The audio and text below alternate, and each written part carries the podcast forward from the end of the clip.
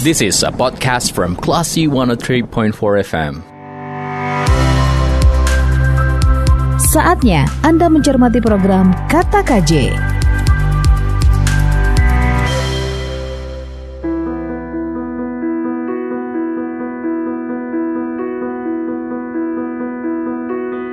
Dari Bumi Karangputih Darung Padang, Rotary Point for Class FM, this is the actual radio. Assalamualaikum, Classy People, apa kabar? Semoga dalam keadaan yang terbaik. Saya Lia Priyanka, Anda mencermati program Kata KJ. Program ini hadir setiap hari Kamis, minggu pertama setiap bulannya. Tentu saja saya tidak sendiri, diskusi nantinya akan dipandu oleh wartawan senior Khairul Jasmi alias Pak KJ. Nah, Classy People, seperti yang kita sadari bersama bahwa COVID-19 masih ada di antara kita. Keseharian kita dalam beraktivitas masih berada dalam bayang-bayang COVID-19. Nah, sekarang bahkan ancaman datang dari varian terbaru ya. Ada varian Omicron. Bagaimana perkembangannya di Indonesia, khususnya di Sumatera Barat? Dan seberapa besar kita harus waspada terhadap efek yang ditimbulkan? Kira-kira kita siap nggak berperang dengan Omicron ini? Kita akan dengar jawabannya langsung dari narasumber yang uh, berkompeten yang sudah kita undang, kita hadirkan di program Kata KJ dan akan berdiskusi dengan Bapak Khairul Jasmi alias Pak KJ. Assalamualaikum Pak KJ. Waalaikumsalam ya. Sehat Pak? Alhamdulillah. Baik, kalau ya. begitu Pak, silakan langsung uh, dipandu diskusinya dan diperkenalkan narasumbernya. Silakan Pak KJ. Dengar kasih di mana pun Anda berada, kembali bertemu bersama saya dalam program Kata KJ. Dan kali ini kita membahas sesuatu yang hangat, namanya Omicron. Adalah uh, terjangan baru dari virus COVID-19 dan akan kita bahas bersama narasumber yang sangat berkompeten. Pertama, Dr. Andani yang sudah sama-sama Anda kenal semua di Sumatera Barat. Nah, Dr. Andani uh, akan hadir bersama uh, Bapak Defriman Jafri SKM MKM PhD yang dari Universitas Andalas dan uh, beliau adalah ahli epidemiologi yang sudah uh, dikenal luas juga dan yang ketiga adalah sumber yang sangat uh, penting yang memegang data akurat jam terakhir adalah Dr. Dr. Dedi Herman dari uh, Tenaga Kesehatan RSDC Wisma Atlet Kemayoran. Jadi pasien-pasien yang sekarang uh, katanya bertambah 2000 sehari, Omikron ditangani oleh beliau. Nah, sebelum kita ke narasumber yang lain, karena ini Omikron dan korbannya terbanyak di Jakarta, yaitu orang-orang yang berpulang dari luar negeri itu, maka akan kita tanya beliau dulu Pak Dedi. Pak Dedi, bagaimana kondisi hari ini di Jakarta, Pak? Ya, Bismillahirrahmanirrahim. Assalamualaikum. Terima kasih Pak Kaji. Mudah-mudahan Allah menyehatkan kita seluruhnya, termasuk juga para uh, penyiar dari Klasi FM Amin. yang uh, selalu berjuang bersama-sama kita walaupun melalui siaran radio ya Pak Gaji ya termasuk ya. Pak Gaji. Kemudian juga uh, mudah-mudahan jadi Dokter Andani sebagai apa uh, uh, kakak kakanda saya ya teman sejawat saya mudah-mudahan juga selalu disehatkan. Karena bolak-balik Jakarta tentu resiko untuk terkena Omikron pun juga tinggi untuk dokter Nani uh, walaupun dulu pernah kena juga. Dan Pak Devriman juga selalu bicara tentang ini harusnya seperti ini harusnya seperti itu. Mudah-mudahan juga disehatkan. Termasuk Pak Gaji sendiri. Mudah-mudahan panjang umur dan tambah acaranya tambah banyak didengar oleh masyarakat. Untuk ya. kasus uh, Omikron di Jakarta. Uh, sebetulnya begini, Omikron itu sudah ditemukan di Jawa Barat, di tempat lain, termasuk di Sumatera Barat, seperti itu ya, Nani ya. Kemudian uh, kasus yang kita rawat di Wisma Atlet sebetulnya itu pas hari Sabtu kemarin atau hari Minggu kemarin itu sempat tinggi ya. Kita terima hampir 355 pasien. Ya, kemudian per hari kemarin itu 200 jam 12 230 orang uh, kita terima melalui jalur uh, apa ya melalui jalur WA ya melalui WA Wisma Atlet. Kemudian juga per hari ini per hari ini saja sudah lebih dari 84 pasien baru jam 10 pagi ini Pak Haji. Jadi sebagian itu positif namun tidak seluruhnya Omikron. Namun tidak seluruhnya Omikron. Dan untuk uh, memeriksa uh, apakah dia Omicron atau tidak, tentu kita lakukan WGS ya, whole genome sequencing. Maksudnya kita melihat RNA-nya apakah sama seperti uh, genom dari si Omicron tadi. Namun kita ingatkan lagi ada varian Inu sebetulnya di Prancis ya Dokter Andani ya yang kemarin yang sudah ada lagi yang baru. Dan uh, sebetulnya ini uh, kalau Dokter Andani menyatakan itu tidak perlu takut karena memang ini memang proses uh, alamiah uh, mutasi virus alamiah bahwa setiap makhluk hidup itu berusaha untuk uh, tetap uh, eksis dan tetap hidup. Uh, jadi terus terang saja memang kasus kini sekarang sangat banyak sekali, hampir 4.000 lebih kita rawat uh, ya Pak uh, Haji ya. Jadi terus terang ini mengkhawatirkan sehingga kemarin rapat dari Kemenkes saya dengar itu Pak Menteri juga Pak Andani dan seluruh uh, PDPI juga dan seluruh dokter uh, berhati-hati sehingga Presiden pun uh, mengingatkan bahwa uh, pandemi ini belum selesai. Uh, namun uh, kita tahu bahwa Omikron ini tidak berat gejalanya. Namun tetap tetap menyebabkan kematian. Kemarin ada dua kematian, satu uh, dari Belanda yang datang dari Belanda, satu lagi yang memang orang Jakarta sendiri. Uh, tapi uh, eh, WHO menyatakan harus hati-hati di Inggris dan Amerika angka kematiannya uh, cukup uh, besar, uh, namun tidak sebesar ya, dari varian Delta. Itu saja dari saya sementara Pak Kaji. Terima kasih. Baik Pak, saya mau ke Pak Andani Pak Andani, bagaimana sebenarnya Pak penanganan lebih awal dari Omikron ini Pak? Di Jakarta terutama. Karena eh, menurut kita justru ini sumbernya adalah orang-orang yang sedang yang kembali berlibur dari luar negeri. Ya, terima kasih Pak Terima kasih Pak Assalamualaikum warahmatullahi wabarakatuh. Jadi eh, kalau kita lihat sebenarnya prinsip penanganan dari Omicron ini nggak ada bedanya Pak dengan yang varian virus-virus yang lain. Artinya COVID-19 yang lain, sama saja gitu. Bahkan kita kalau dalam SE terbaru Kemenkes kan jelas disampaikan bahwa penanganan sama saja. Kalau mereka bisa kondisinya ringan tanpa gejala, ya isolasi di rumah atau di isoter. Tempat isolasi terpadu. Kalau rumahnya memenuhi syarat ya di rumah, tapi kalau tidak memenuhi syarat ya di isoter. Nah itu yang pertama, artinya nggak ada beda sama sekali. Itu yang pertama. Yang kedua, data-data juga menunjukkan sebenarnya uh, bahwa klinisnya jauh lebih ringan. Tetapi, ya, tetapi begitu dia mengenai orang tua belum divaksin, cerita jadi berbeda. Gejalanya akan terlihat menjadi lebih berat. Itu yang yang yang, yang nampak sehingga beberapa kasus kematian yang terjadi sekarang rata-rata belum divaksin dan orang tua. Ya kalau saya tidak salah catatan kematian harus kita lima orang baru kalau tidak salah jumlah total kasus Omicron kita yang teridentifikasi melalui whole genome sequencing, melalui whole genome sequencing sekitar 1.700. Kemudian yang probable-nya hasil SKTF itu sekitar 5 ribuan. Tapi sekali lagi saya katakan itu sebenarnya kalau kita perhatikan dengan baik ya kasus itu sudah naik, Omicron itu sudah naik dan kita tidak bisa mengandalkan WGS sebagai diagnostik Omicron gitu. Karena dulu Delta juga tidak tidak menggunakan WGS juga awal-awalnya yang kita menggunakan WJS, kemudian kita berkembang dengan SGTF. SGTF itu cuma dengan PCR biasa juga sama, cuman detektornya kita ganti sehingga dia bisa mendeteksi. Dan hasil evaluasi kita ternyata detektor SGTF itu dengan whole genome sequencing hasilnya sama saja. Sehingga yang probable itu sebenarnya juga Omicron. Jadi kalau saya katakan ada 1.700 yang Omicron, ada sekitar 5.000 probable, ya paling tidak sekitar 6.000 kita punya punya Omikron sekarang. Tapi itu angka absolut tidak ada nilainya. Yang nilai yang paling penting itu berapa persen sekarang. Nah, dari dari semua orang yang kita tes di DKI Jakarta yang positif berapa persen yang probable. Nah angkanya sudah menunjukkan angka 80 persen. Nah ini memperlihatkan kepada kita bahwa hampir sebagian besar spesimen eh, orang-orang yang positif di Jakarta adalah Omikron. Itu yang terlihat jelas gitu kan. Beberapa klaster besar juga Omikron. Nah kemudian kita kita kita simpulkan sebenarnya bahwa ini Jakarta akan menunggu detik-detik untuk meledak juga kasusnya karena pada saat sekarang positivity rate DKI Jakarta itu udah 4 persen dan naik terus. Nah bagaimana di, di luar di Jawa, Jawa Bali, luar DKI masih sekitar 1,2 persen. Nah kalau tanya berapa yang di, di apa di di luar Jawa Bali masih 0,14 persen. Positivity rate-nya masih sangat kecil, ya.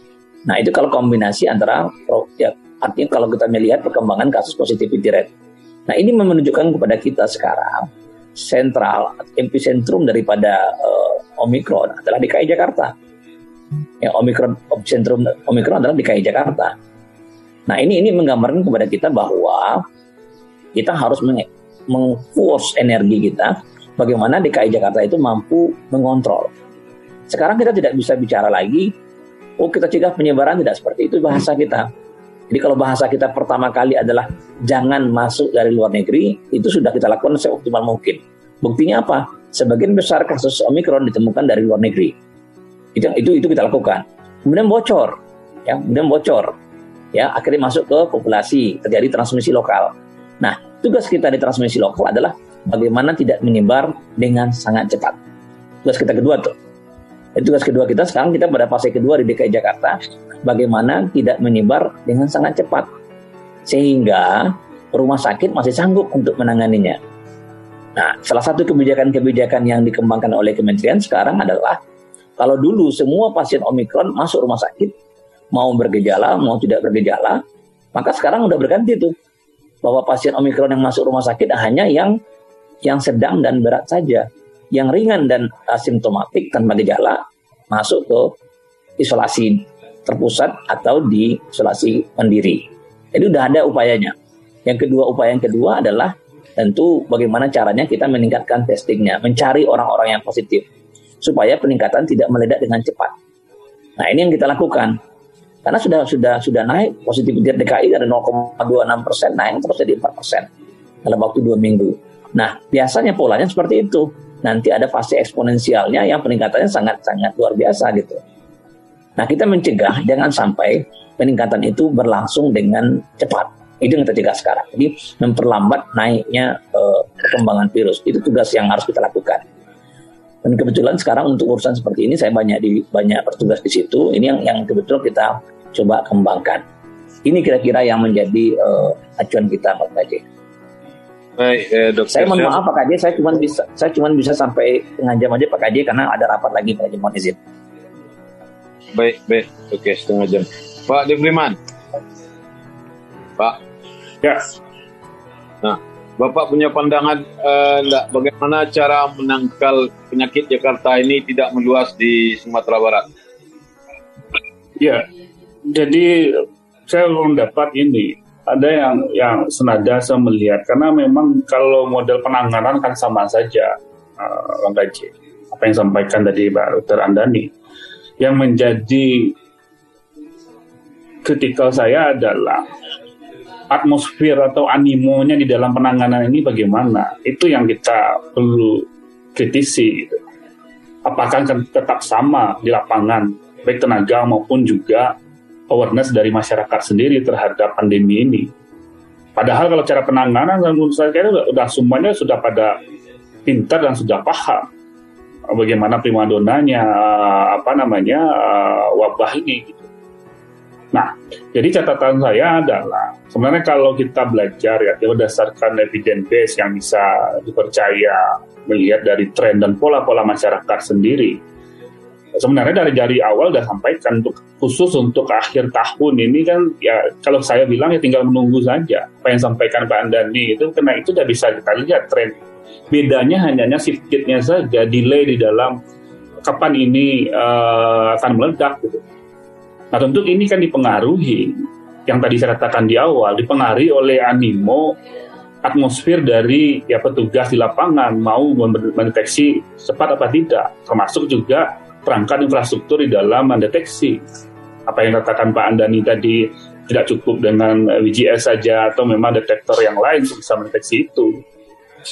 Nah ini yang perlu ditekankan kepada pemerintah dalam hal ini. Ya, kita coba lihat saja di masyarakat sendiri juga petugas juga ya animonya tidak akan sama dengan dengan yang ini dianggap ini kan sudah mau ya berakhir padahal pandemi belum dideklar uh, selesai seperti itu.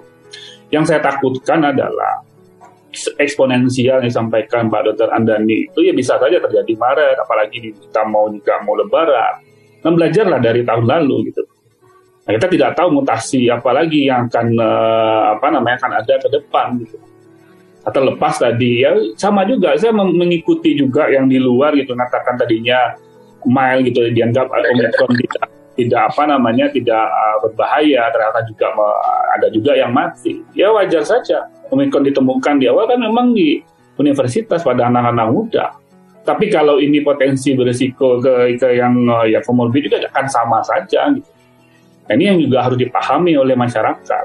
Intinya jangan sampai artinya bagaimana kita bisa mencegah, memahami risiko dan meminimalkan risiko itu. Nah, Jadi benar. Ya. ya.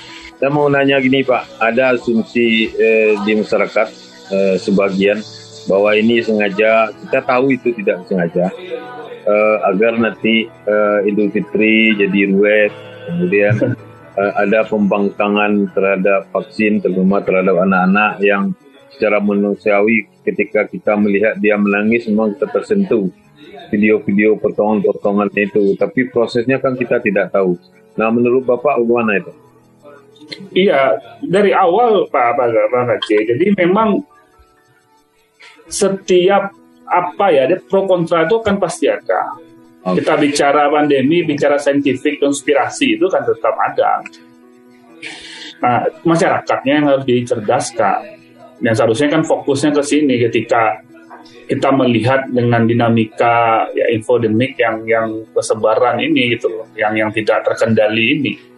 Nah, saya melihat seharusnya ya semuanya berperan dalam hal ini, tidak hanya ya, ya, artinya gini, ada masyarakat yang ragu-ragu itu kan menjadi paham ya. Dengan literasi yang yang memadai gitu itu harus di, di, di apa namanya di di ada di kontra juga gitu. Nah ada beberapa yang bisa bisa bisa apa namanya bisa paham juga. Akhirnya ada perubahan-perubahan meskipun tidak cepat dan signifikan yang kita harapkan. Tapi keraguan-raguan itu ya karena informasi itu dan juga termasuk kebijakan dari pemerintah sendiri Nah, yang tidak konsisten gitu kan, nah dianggap nanti eh, tarik ulur tadi. Nah, makanya wajar saja stigma bahwa pasti kamu lebaran pasti akan oblik lagi. Ya kalau kita punya data ya sama saja sebenarnya. Ketika banyak mobilitas itu tinggi, terinfeksi itu terjadi. Dan di situlah ketika infeksi terjadi tinggi, mutasi, kemungkinan mutasi juga akan terjadi tinggi. Gitu. Ya, ya. Ya. Nah artinya apa? Ya ujung-ujungnya nanti ketika orang banyak terinfeksi, probabilitas untuk meninggal pun juga risiko juga gitu. Nah, itu yang kan kita coba hitung dan coba kita lihat. Hanya masyarakat juga harus paham sejauh mana uh, apa namanya uh, memahami risiko itu. Nah itu kita perdebatan juga sih. Awal-awalnya juga sama, ya, dianggap uh, ini uh, apa namanya tidak berbahaya, uh, ya kan? Apalagi tidak ditambah statement ya biasanya mutasi virus di awal yang lebih berbahaya dibandingkan dengan yang nanti mutasi uh, ini biasanya lebih lebih lemah seperti itu. Nah intinya ini juga harus dipahami lah oleh oleh masyarakat antisipasinya ke depan. Baiklah si people, kita sudah mencermati diskusi sesi 1 dan Omikron sudah ada di Sumatera Barat. Dr. Dedi dan Dr. Andani menyatakan bahwa Omikron memang tidak berat gejalanya, namun ada kemungkinan gejala berat pada lansia atau orang yang belum divaksin bahkan bisa menimbulkan kematian. Karena itu kita tetap harus hati-hati dan patuh protokol kesehatan. Kita akan cermati diskusi lanjutannya nanti di sesi kedua, tetap di program Kata KJ. This is a podcast from Classy 103.4 FM. Kata KJ, only on Classy FM.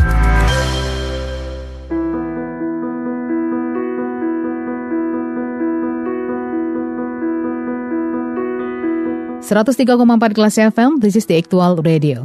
Di sesi kedua program Kata KJ, masih bersama Pak KJ dan tiga orang narasumber kita yang luar biasa.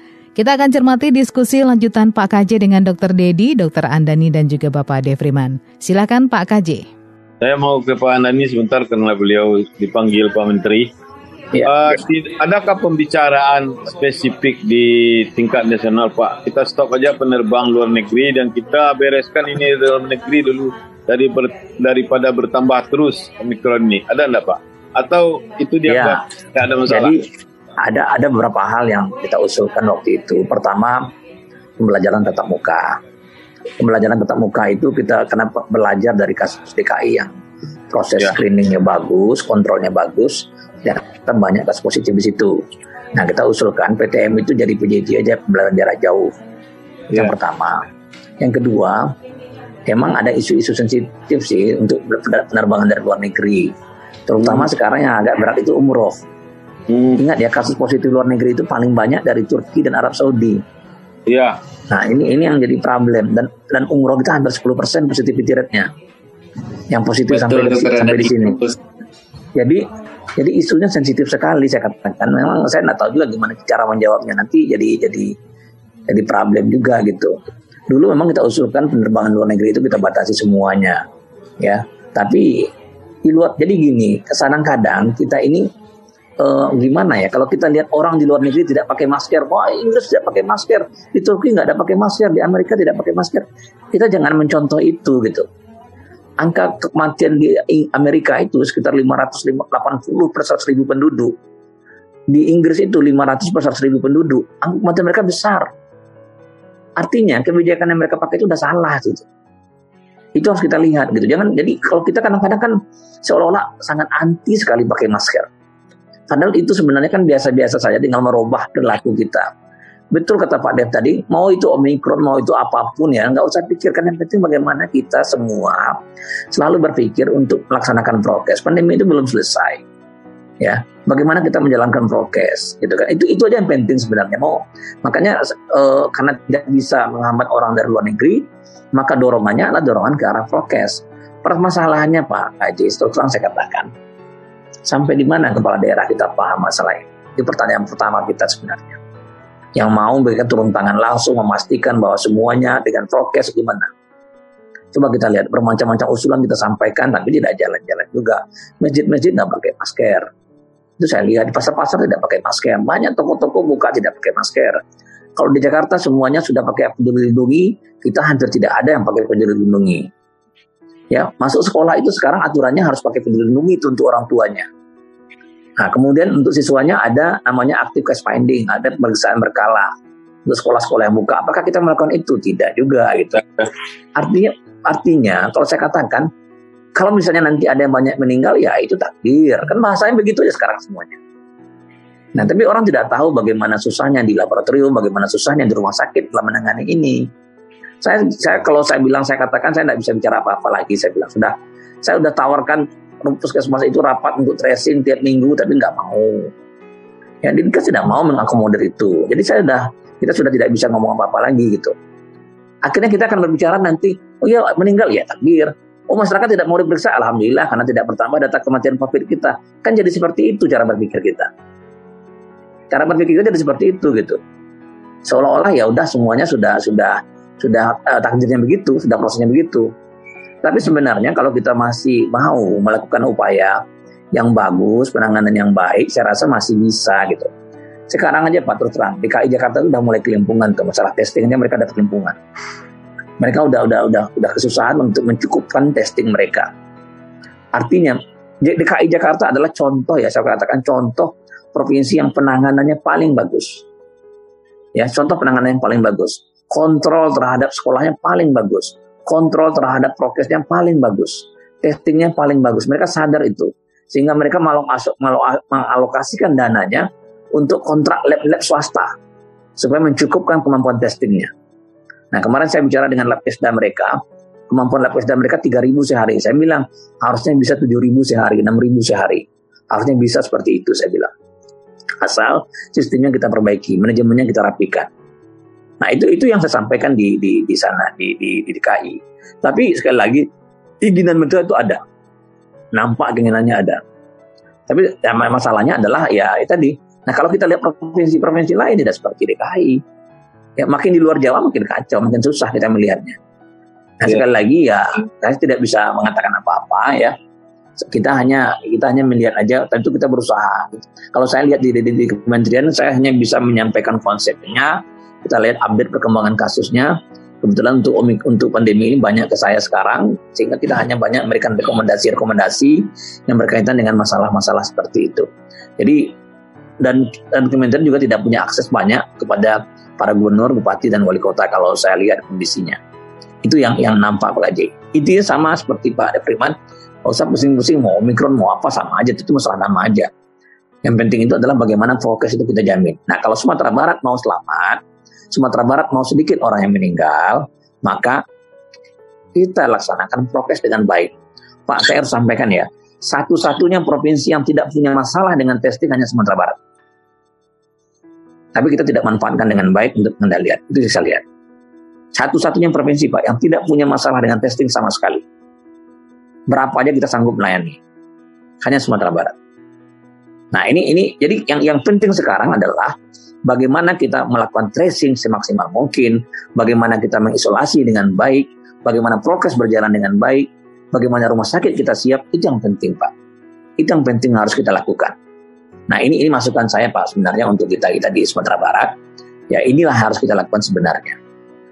Bagaimana rasio tracing begitu ada satu positif kita lalu kejar.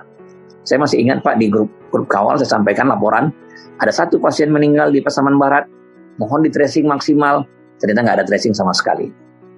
Ini contoh gitu ya. Nah, jadi jadi sekali lagi ya kita nggak bisa bicara apa-apa. Saya bukan pejabat, saya bukan bupati, bukan apa gitu kan. Jadi saya nggak bisa ngomong apa-apa lagi dalam masalah seperti ini. Tapi saya selalu ingatkan bahwa kasus kita masih ada. Yang meninggal akibat COVID di Sumatera Barat itu masih ada. Ya, masih ada. Makanya tracing itu harus kita dorong. Karena kasusnya masih baru, kita dorong tracingnya lebih banyak, 25 sampai 30 untuk setiap kasus positif. Nah, kalau itu bisa kita dorong, Pak, insya Allah lah. Artinya kita sudah berikhtiar maksimal. Tapi kalau semuanya kita serahkan ke alam saja, apa yang terjadi ya, saya nggak tahu bagaimana jawabannya itu. Saya kira itu Pak KJ, saya terus terang mohon izin untuk keluar dulu ya karena karena ada pertemuan lagi dengan Sekjen. Jadi sekali lagi saya mohon izin Pak Kaji dan Bapak Ibu semua, Pak Depriman, Terdidi Herman, selamat Ya. bekerja di, Ya, di, di, ya di, di apa di rumah sakit Wisma Atlet sekarang sudah harus mulai dikurang-kurangi tuh pasien-pasien yang asimptomatik jangan masuk ke situ juga. Gejala Ya ya. betul. Hmm, Ya. Jangan masuk situ juga karena nanti Namun kalau, Dan itu kalau kan dari luar negeri yang banyak. Dari luar iya negeri yang betul. banyak. Dan memang Luar negeri eh, kan kalau ya ini luar negeri itu kan masalahnya kan isolasinya nggak jelas. Yang ada cuma tempat Betul. karantina yang ada kan. ya, Jadi betul. begitu mereka positif mereka masuk ke situ. Takutnya Tapi yang rata-rata 100 orang orang hotelnya itu. juga kena ya dokter Andani ya. Orang-orang hotelnya kena Omikron itu yang menyebarkan lagi. Oh, penye- penyebaran pertama di DKI itu memang dari luar negeri, Ya. tapi jebolnya bukan dari situ, jebolnya dari salah satu lab yang ada di bandara. oh, Levelnya di situ. itu bocoran Pak Gaji itu, bocoran itu. Nah, jadi bukan jadi je- jebolnya di situ. Tapi kalau untuk kontrol kita di bandara, saya rasa cukup bagus lah. Buktinya kita banyak menemukan kasus kan, itu jauh lebih bagus dibanding periode sebelumnya. Kalau sekarang jauh lebih bagus kontrol kita di Yang bandara. bocor di lab itu apa Pak? Petugasnya kena atau gimana? Atau hasilnya Betul. yang Petugasnya kena pak, petugasnya kena, kemudian kemudian menyebar ke mana-mana. oh Nah dari dari dari satu dari satu grup itu aja 30 orang positif, omikron semua. Iya, iya, iya. Tapi sekali lagi ya itu katakan itulah itulah dinamika kita bernegara. Saya tidak tahu juga cara. Tapi kalau saya jadi orang independen ya mungkin saya akan bernyanyi-nyanyi juga sedikit banyak gitu. Iya, iya. Baik, Tapi kita tidak. Nah, oke Pak Gaji. Kapan kapan kita lanjutkan diskusi kita Pak Gaji? Tapi terus terang saya katakan, saya cuma pesan saya itu Pak, jangan terlalu takut dengan Omikron. Anggap Jangan saja ini sebagai iya, jangan terlalu abai. Anggap aja ini COVID juga gitu. Jangan di- jangan dipandang ini tidak akan mematikan. Karena kalau kena orang tua belum divaksin, resikonya juga besar. Tapi kalau mungkin untuk untuk anak muda mungkin tidak akan banyak masalah kemungkinan besar gitu ya. Tapi pada orang tua yang belum divaksin itu risikonya cukup besar. Nah kita harus ingat laporan-laporan itu kan datangnya dari negara-negara yang vaksinnya sudah bagus. Seperti Inggris, Amerika vaksinnya sudah bagus. Nah ini satu pembelajaran juga bagi kita gitu. Tapi sekali lagi saran saya ya bersama dengan Pak Dep tadi, marilah kita bersama-sama mendorong pengendalian pandemi di tempat kita. Mari sama-sama kita dorong Pak, tracingnya harus bagus, ya, isolasinya harus jelas. Itu yang penting, prokesnya harus dibangun Pak. Kita Sumatera Barat permasalahan saya lihat itu prokesnya Pak. Saya kebetulan di akhir-akhir tahun banyak ke provinsi-provinsi lain dan rata-rata di sana prokesnya cukup mendingan Pak. Kita cukup yang menurut saya agak agak susah saya mengatakan bagaimana prokes kita di Sumatera Barat. Mungkin Pak Kaji bisa sama-sama melihat lah, ya. Jadi saya pernah tanya nih Pak, saya pernah tanya pada satu orang oh, wali negari, kenapa pandemi kita berakhir kemarin? Saya bilang, "Tuh, pandemi kita turun. Nah, ini sekedar cerita aja ya. Kenapa Iya. pandemi kita turun kemarin? Nah, sebentar, sebentar Pak Dia. Nah, pandemi kita turun kemarin itu katanya karena oh kita sudah sudah paham dengan covid kita sudah patuh dengan prokes. Saya bilang coba lihat sholat Jumat pakai masker enggak? Nah, ada pakai masker saya bilang. Tidak ada kita yang pakai gitu-gitu gitu. Perhatikan itu baik-baik. Nggak ada saya bilang. Nah, dulu saya, saya katakan bahwa kemungkinan itu memang kena infeksi alamiah. Kita sudah terinfeksi gitu. Dan ternyata dari hasil seroprevalen kemarin, betul Pak, anak-anak yang belum divaksin itu 70% lebih sudah terinfeksi, sudah ada antibodinya. Dia belum terinfeksi, belum divaksin malah tuh. Berarti dia sudah terinfeksi. Nah, data dari seroprevalen membuktikan bahwa betul, langsung hipotesa saya betul. Bahwa memang karena sudah terinfeksi semuanya. Kenapa? Karena kita buka pintu infeksinya lebar-lebar. Apa tandanya? Prokes kita tidak jalan. Isolasi kita sembarangan. Tracing kita tidak banyak. Tracing kita cuma rasio 3 kok. 2 sampai 3 Pak isolasi rasio tracing kita, rasio kontak erat kita. Tidak terlalu tinggi gitu. Jadi di kampung-kampung itu positif ya positif aja gitu. Nah, itulah yang yang yang sekedar gambaran banyak. Ini harus kita cegah. Bagaimana kita membantu ini, bagaimana kita mencegah ini. Nah, ini ini yang tugas kita bersama. Sekali lagi itu yang bisa saya sampaikan Pak KJ, mohon maaf. Ya untuk kelas IM juga saya mohon maaf, saya harus izin keluar dulu. Makasih Bapak Ibu semua. Assalamualaikum ya. warahmatullahi wabarakatuh. Makasih Dokter Andani sudah bergabung. Assalamualaikum warahmatullahi wabarakatuh. Baik, beriringan dengan uh, uh, perginya Dokter Andani dari ruangan ini kita istirahat sejenak. Baik, Classy People, Anda baru saja mencermati sesi kedua program Kata KJ. Pesan dari Bapak Devriman Jafri bahwa apa pun namanya, apa pun nama variannya, prokes tetap harus nomor satu. Dokter Andani juga menyatakan bahwa butuh kesadaran masyarakat dan juga pemahaman dari kepala daerah tentang prokes agar penggunaan masker di masyarakat bisa lebih disiplin, terutama pengawasannya juga harus dilakukan oleh pemerintah di daerah. Masih ada satu sesi lagi Classy People, yaitu sesi ketiga, setelah break berikut ini. This is a podcast from Classy 103.4 FM. Kata KJ, only on Kelas FM.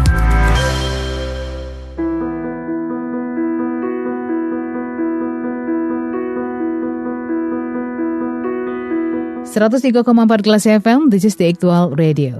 Kelas People, Anda masih mencermati program Kata KJ. Untuk Anda yang mungkin baru bergabung dan tidak menyimak program ini sejak awal, anda bisa mencermati rirannya nanti malam di jam 7 hingga ke jam 8 malam. Selain itu, Anda juga bisa mencermatinya melalui channel YouTube Kelas FM. Cukup ketik Kelas FM di YouTube atau silahkan mencermati via podcast. Masuk ke aplikasi Kelas FM yang sudah tersedia di App Store dan juga di Play Store atau via www.kelasfm.co.id. Saya langsung serahkan diskusi kepada Pak Kaji untuk sesi ketiga. Silakan Pak Kaji. Pemirsa Kliksi FM di mana pun Anda berada, kembali bersama saya dalam kata KJ dengan tema Awas Omikron dan narasumber kita ada tiga orang. Sekarang saya mau minta komentar dari salah seorang di antaranya dari Wisma Atlet Kemayoran. Beliau adalah Pak Dedi Herman yang tunggang langgang eh, kemarin sempat istirahat sejenak, sekarang bekerja berat lagi. Eh, mungkin bisa lebih spesifik eh, suasana di Wisma Atlet, Pak. Uh, terus terang sebetulnya uh, terima kasih Pak Gaji. Uh, mudah-mudahan uh, bisa terdengar ya dengan baik. Ya, yang dengar. Ada tiga tempat sebetulnya uh, banyak sekali yang dari luar negeri itu yang uh, WNI atau WNA itu karantinanya di hotel-hotel. Jadi selain di Wisma Atlet juga ada di hotel-hotel di sekeliling Jakarta. Uh, kemudian juga kita ada di Nagra, ada uh, Pademangan, kemudian ada di Wisma Atlet sendiri yang merawat pasien. Uh, kalau di Wisma Atlet tentu uh, dengan bergejala ringan sedang. Uh, kemudian kalau misalnya di Pademangan yang tidak bergejala. Kemudian kalau di Nagrak juga tidak bergejala, namun uh, sebagian besar itu dari luar negeri seperti itu Pak KJ. Negara-negara yang penyumbang terbanyak untuk positif COVID ini adalah pertama dari Arab Saudi, kemudian dari Turki, kemudian dari Amerika Serikat, kemudian dari Jepang, kemudian ada juga dari Belgia atau Eropa, kemudian uh, dari beberapa negara Asia, ya seperti Thailand ataupun Filipina. Namun jumlahnya tidak banyak. Namun dari Arab Saudi. Uh, kemarin sekitar tiga hari yang lalu kita menerima 60 pasien umroh. Saya mengasesi 60 pasien umroh yang masuk dengan positif seluruhnya COVID. Usianya ada 60, 70, tapi sebagian sudah divaksin, gejalanya hanya ringan saja. Namun terus terang kita bicara karena kemarin itu jumlah kasus sudah turun di Wisma Atlet. Akibatnya banyak sekali peralatan yang ditarik, yang dipindahkan ke rumah sakit yang lain. Sehingga kita hanya menangani sampai sedang saja. Sebelumnya kita menangani sampai yang kritis atau yang sampai masuk ventilator. Satu pasien yang kemarin yang meninggal di Sulianti ya itu adalah pasien yang baru kembali dari uh, uh, Amsterdam dari Belanda ya Pak Gaji ya. Jadi terus ya. terang uh, beliau baru melihat uh, pemakaman anaknya di situ yang terkena COVID. Nah, kemudian dia kembali ke Indonesia ternyata positif dan positif kemudian kondisinya memburuk saat akan kita masukkan dalam ventilator beliau menolak akhirnya ya meninggal yang dari Amsterdam tadi. Jadi artinya apa? Bahwa uh, kita tidak tahu ya bahwa yang Omikron pun pasti bermutasi ya Pak Devriman ya. Yang Omikron pun bermutasi. Kalau dia bermutasi bisa saja menjadi lebih berat lagi. Yang awalnya Omikron itu uh, di awal-awal November Omikron itu terkena di Wisma Atlet satu hari itu mengenai 70 orang. Ya, kemudian hari berikutnya mengenai 100 sekian orang. Dari satu orang itu bisa. Jadi cepat sekali uh, apa duplikasi untuk uh, penyebarannya ke orang-orang. Kalau ini yang kita takutkan, kalau penyebarannya kepada anak-anak yang belum divaksin, ya, kemudian anak-anak sekolah, kemudian yang belum divaksin, kemudian pada uh, orang tua yang tidak divaksin atau komorbid, rata-rata punya komorbid yang kita rawat. Artinya resiko mereka untuk terkena omikron bahkan menjadi kematian nantinya itu akan menjadi tinggi. Kita ya, dikatakan kematiannya sekitar tiga persen ya, tapi kalau jumlahnya ada satu juta yang terkena tiga persen yang meninggal yeah. lumayan loh pak. Yeah. Pak Pak Kaji, ya Pak Devriman ya, ini Pak Devriman lagi yang sakit kepala nanti ma, apa, uh, ma, apa uh, menghitungnya kembali secara epidemiologi dan itu menjadi menjadi kesulitan kita Ya, jadi memang saya menyarankan harus seperti di Jakarta bahwa prokes harus dikerjakan oleh Sumatera Barat. Kita ingat waktu varian Delta itu tiga bulan dulu di Jakarta meningkatnya. Setelah itu menyebar ke daerah. Dan kita menunggu nih, nah, jangan sampai nanti pas Lebaran batal lagi Lebaran loh Pak KJ. Ini batal lagi pulang. Tapi kemungkinannya ada. Cukup besar ya Pak Devriman ya. Nah, saya rasa itu saja Pak KJ. Kalau tidak dijaga pasti menyebar. Pak Defriman. Ya. Nah, Bapak kan ahli terpercaya. Bisa tidak diteriakkan ke telinga gubernur yang disebut tadi yang situasi dua bulan setelah ini kalau kita tidak hati-hati bisa meledak. Nanti Bapak pula yang kami salahkan, Bapak diam-diam aja. ya, ini ini udah, udah jauh-jauh hari. Nah artinya yang yang menarik tahu nggak nggak Pak Bang Kaji mungkin Dr. Dedi juga paham gitu kan.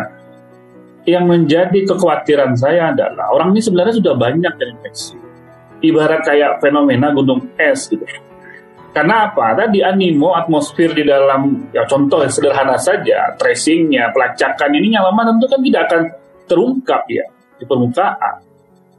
Nah, yang menjadi indikator yang membuat nanti khawatir ya di tempat dokter Dedi ini gitu loh. Akhirnya shock jadi ya. gitu ketika ada penuh semua. Artinya apa? Surveillance nggak jalan, kita mendeteksi nggak cepat seperti itu.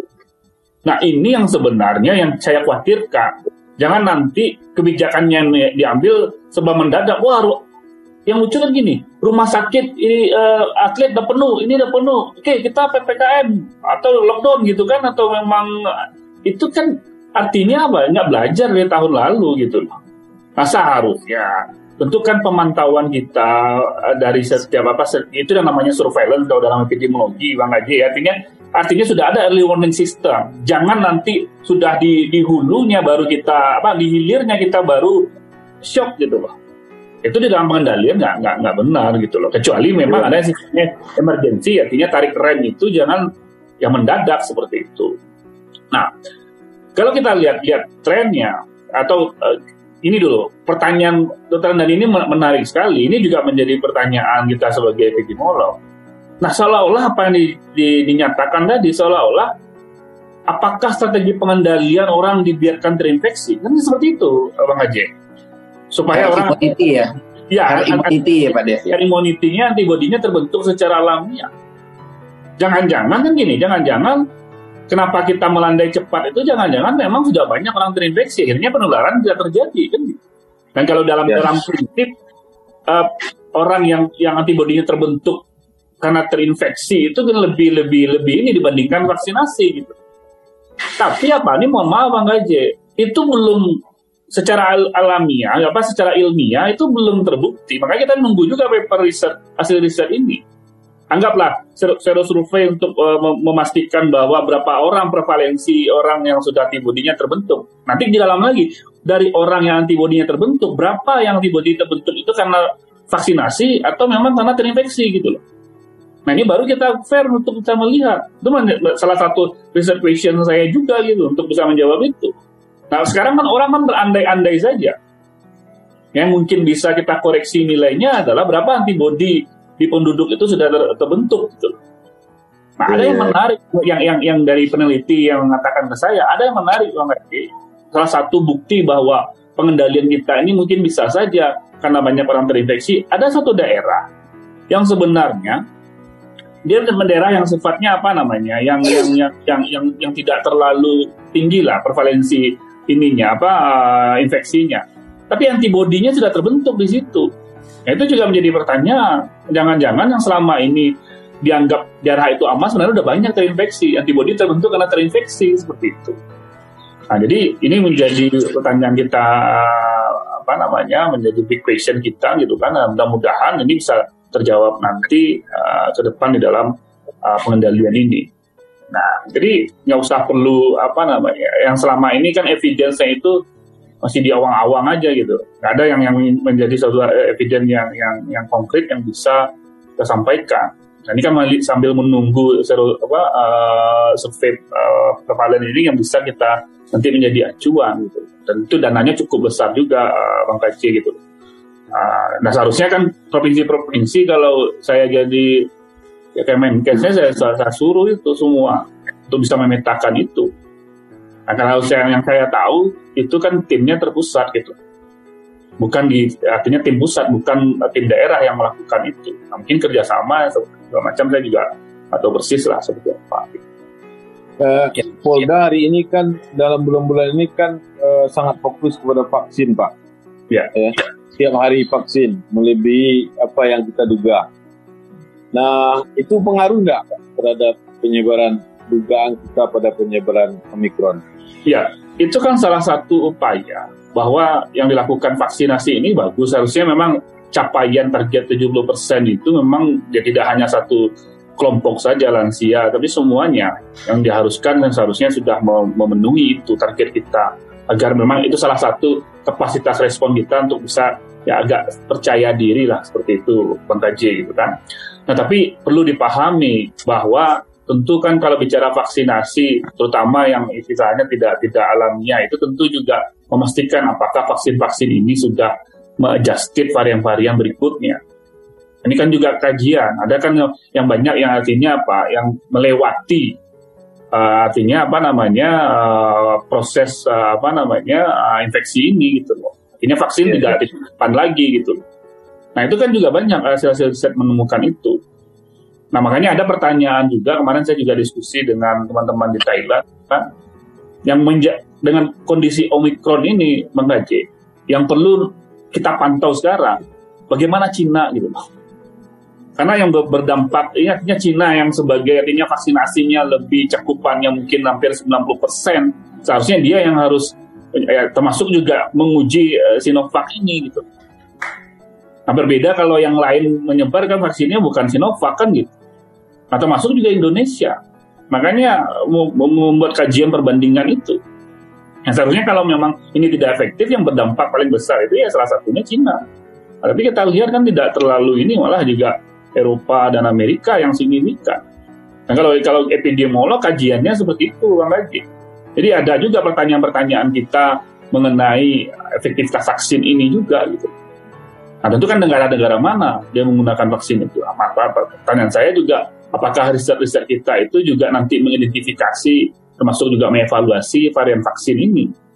Itu juga juga juga menarik. Atau memang kalau dugaan orang sekarang melandainya cepat itu ya kan ada juga bicara iklim dan segala macam menurut saya belum belum belum secepat itu kita bisa me, me, me, menyimpulkan tapi yang paling de, apa besar dugaan itu adalah memang jangan-jangan banyak terinfeksi uh, apa secara alamiah tadi kata Dr. Andani. Nah, salah satu evidence yang bisa saya buktikan bahwa PPKM itu efektif itu adalah ketika PPKM uh, darurat itu. Jadi kalau kita shifted apa kita layer antara jumlah tren kasus dengan mobilitas itu itu memang signifikan ketika ppkm apa darurat diikuti dengan ppkm 1 sampai 4 itu uh, bang. Hmm. Itu salah satu bisa saya buktikan. Yeah, Kalau yeah. kita efektif apa tidak ppkm yang tadi kata uh, apa apa dokter Dedi bahwa epicentrum itu Jakarta nanti akan menyebar ke itu itu benar. Makanya di dikontrol itu adalah epicentrumnya dulu. Jadi apinya di, di, di, dipadamkan di ya, karena Jawa Bali sebagai epicentrum ya, agar nggak melebar. Nah bisa saja prediksi kita kalau itu di Jakarta Bali nggak dijadikan apa sekarang penanganan nggak serius, ya kita tinggal menunggu waktu aja. Jadi Maret, April ketika nanti Lebaran itu bisa saja darurat lagi gitu.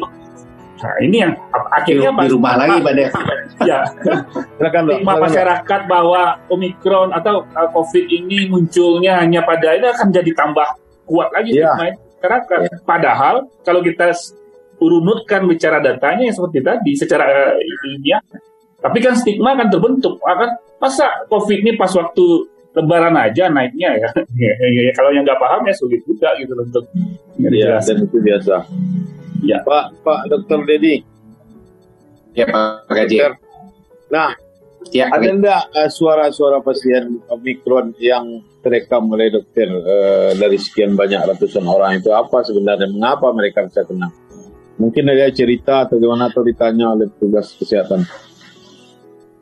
Sebetulnya begini, karena memang karena sebagian besar tuh orang yang berangkat ke luar negeri kan sudah divaksin loh Pak Gaji.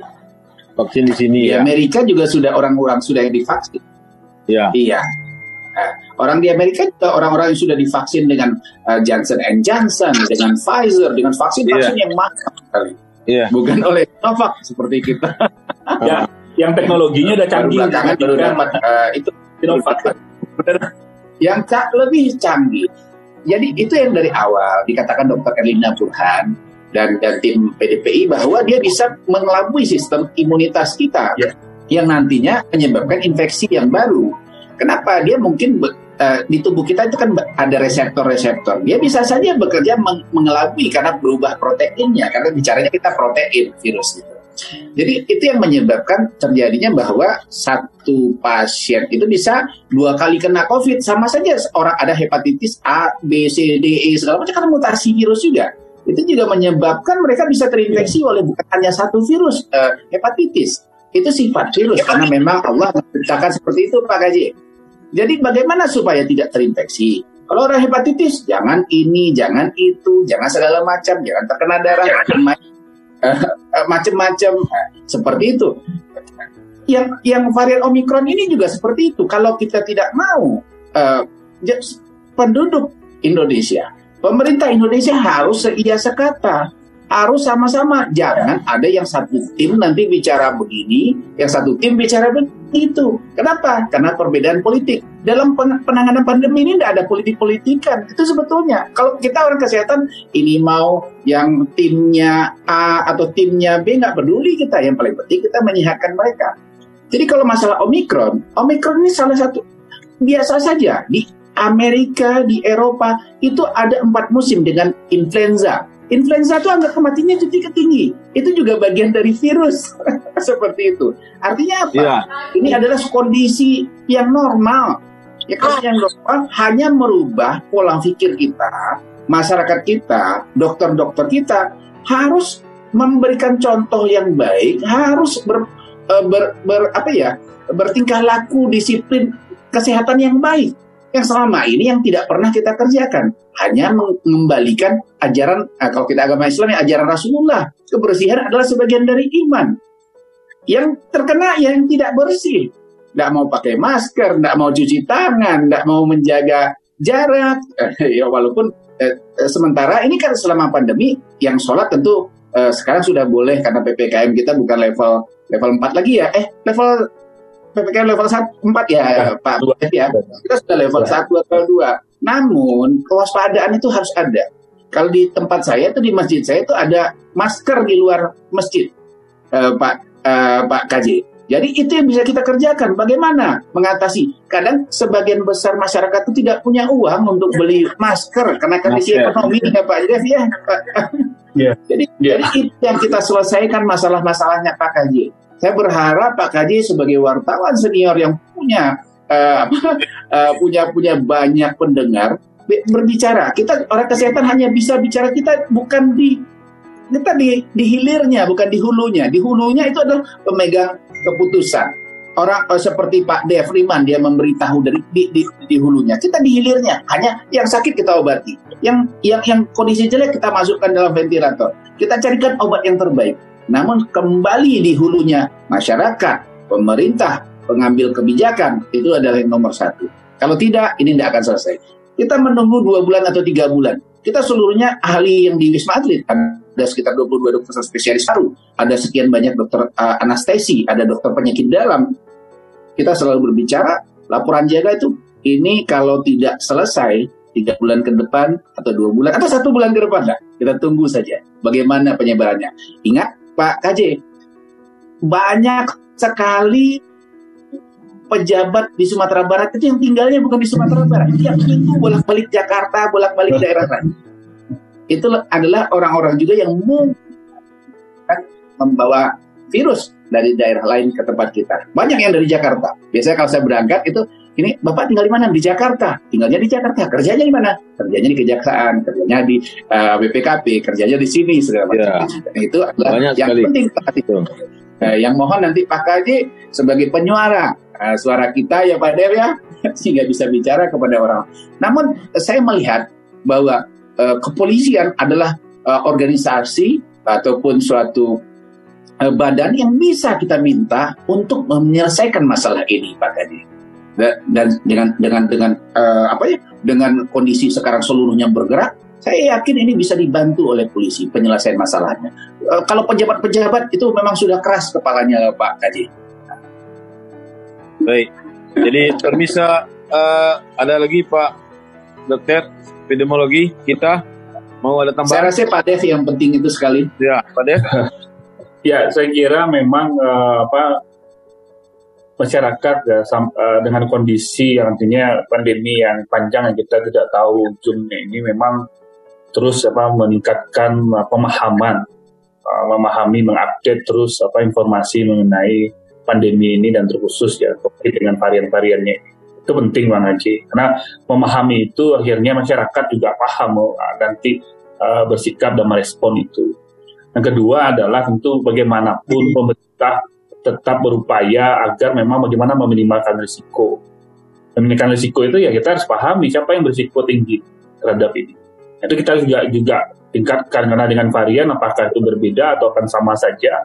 Nah ini juga perlu Nah, contoh ya salah satunya upaya yang dilakukan adalah kan vaksinasi dan termasuk juga ya penapisan misalnya lansia, apalagi orang yang lansia yang belum divaksin. Nah itu kan kita sangat apa namanya jelas eh, kalau masyarakat itu paham. Nah tentu satu lagi adalah yang kita takutkan adalah kalau memang skenario pemerintah beberapa kepala daerah yang tadi dikatakan ingin melepas saja atau memang tidak peduli atau awarenessnya terhadap kondisi pandemi yang dianggap anggaplah konspirasi atau juga ada politik. Ya, pertanyaan saya sebagai epidemiolog satu saja, berapa nanti eh, risiko yang harus dibayar gitu?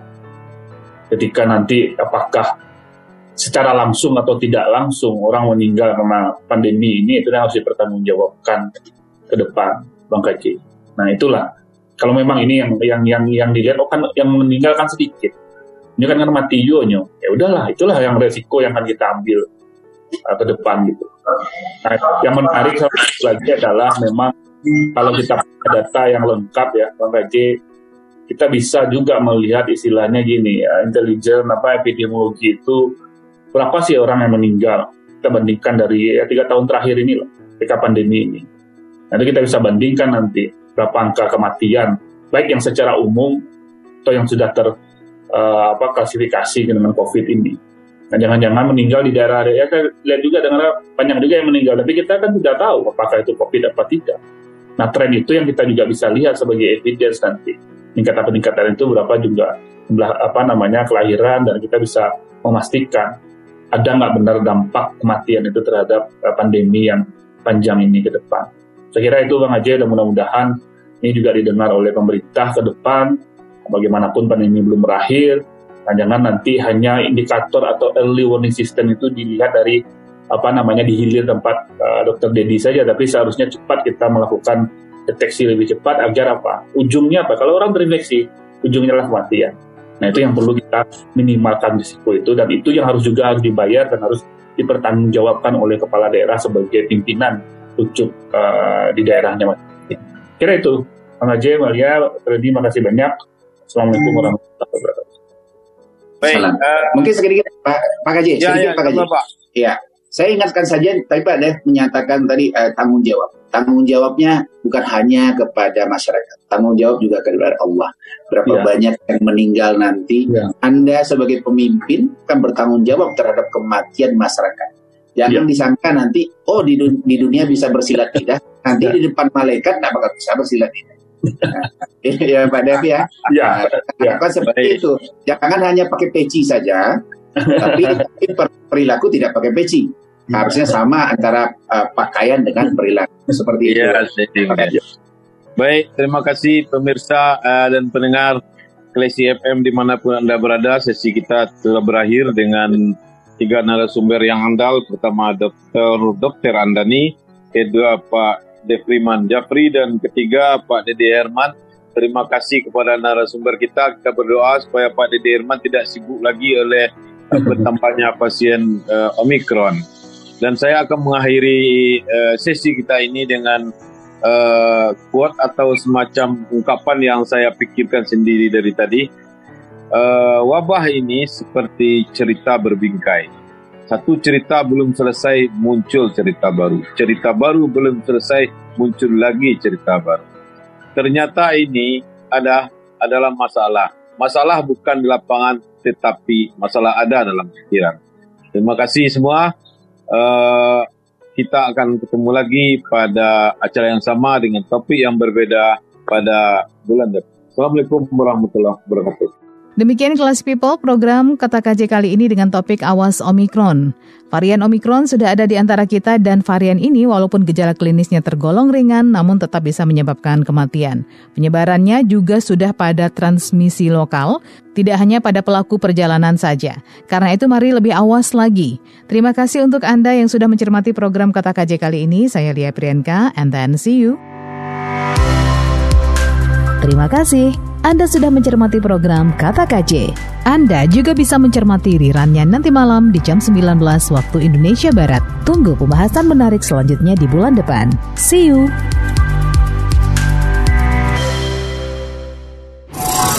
This is a podcast from Classy 103.4 FM.